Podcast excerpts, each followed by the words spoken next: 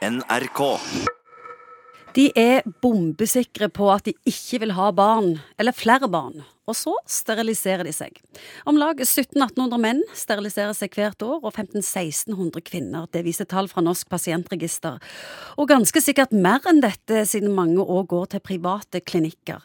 Og Morten Munkvik, hva er dine tanker om sterilisering? Den er veldig endelig. Ja. Både for menn og kvinner så er det jo sånn at det i alle fall i utgangspunktet ikke er mulig å reversere dette her, selv om det er skjedd Hvem kan reversere, kvinner eller menn? Menn.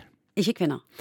Altså, det er lettere tilgjengelig opplegg for menn, så jeg tror den typen eh, kirurgi er lettere å få utført for menn. Det er dyrere for kvinner å gjøre dette her, fordi at det er litt mer kirurgi som er involvert. Sånn at eh, jeg vet ikke hvor mange ganger han har prøvd å rekanalisere disse tubene hos kvinner. Men det skjedde hos menn, og med suksess. Hva koster det å sterilisere seg eh, som mann og kvinne? Dette her er jo noe som en eh, oftest må ta i det private.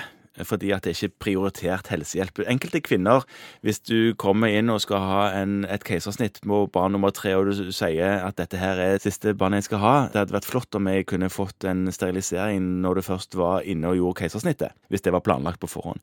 Så kan det gjøres i samme slengen, og da tror jeg ikke du betaler noen ting for det. Men vanligvis så koster det nok en 4000-6000 kroner, iallfall for kvinner, og så koster det kanskje halvparten eller drøyt det for menn. Det er jo mye lettere kirurgi for menn. Det tar et kvarter for menn og kvinner litt lenger. Er det en god idé? Det er en god idé dersom en eh, er sikker på at eh, dette var det. For det ødelegger ingenting med hormonbalanser, og det ødelegger ingenting med mandigheten og risikoen ved Ereksjoner. Nei, ingenting ereksjonsproblemer. Og ejakulatet, altså det som kommer ut når en har orgasme, det er det samme.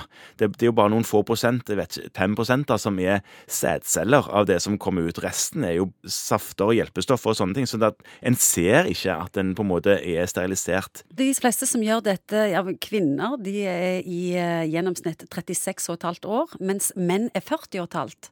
Og alt virker som en god idé, men plutselig så Jeg kan se for meg at ting kan skje. Kvinner, Hvor gammel var kvinner, sa du? 36? Ja, 36 og et halvt. Ja, Da har du i utgangspunktet kanskje Altså, du kan jo få barn lenge til. Og det er jo ikke et risikosvangerskap før du er mye, eller en del eldre enn det. Iallfall et par-tre år eldre enn det. Sånn at der er det jo noen år du går glipp av hvis du plutselig havner i en situasjon hvor du tenker deg at det her skulle det vært greit med et barn til. For menn så er det jo en Ja, menn kan jo få barn hele livet eh, i utgangspunktet, så der er det jo mer år å angre seg på, sånn sett. Men ja da, jeg kan se for meg at de angrer, men da er det liksom gjort, da. Hva er den beste prevensjonen utenom sterilisering? Hvis du er i stabilt forhold, så er jo den beste prevensjonen og sikreste prevensjonen en hormonspiral for kvinner.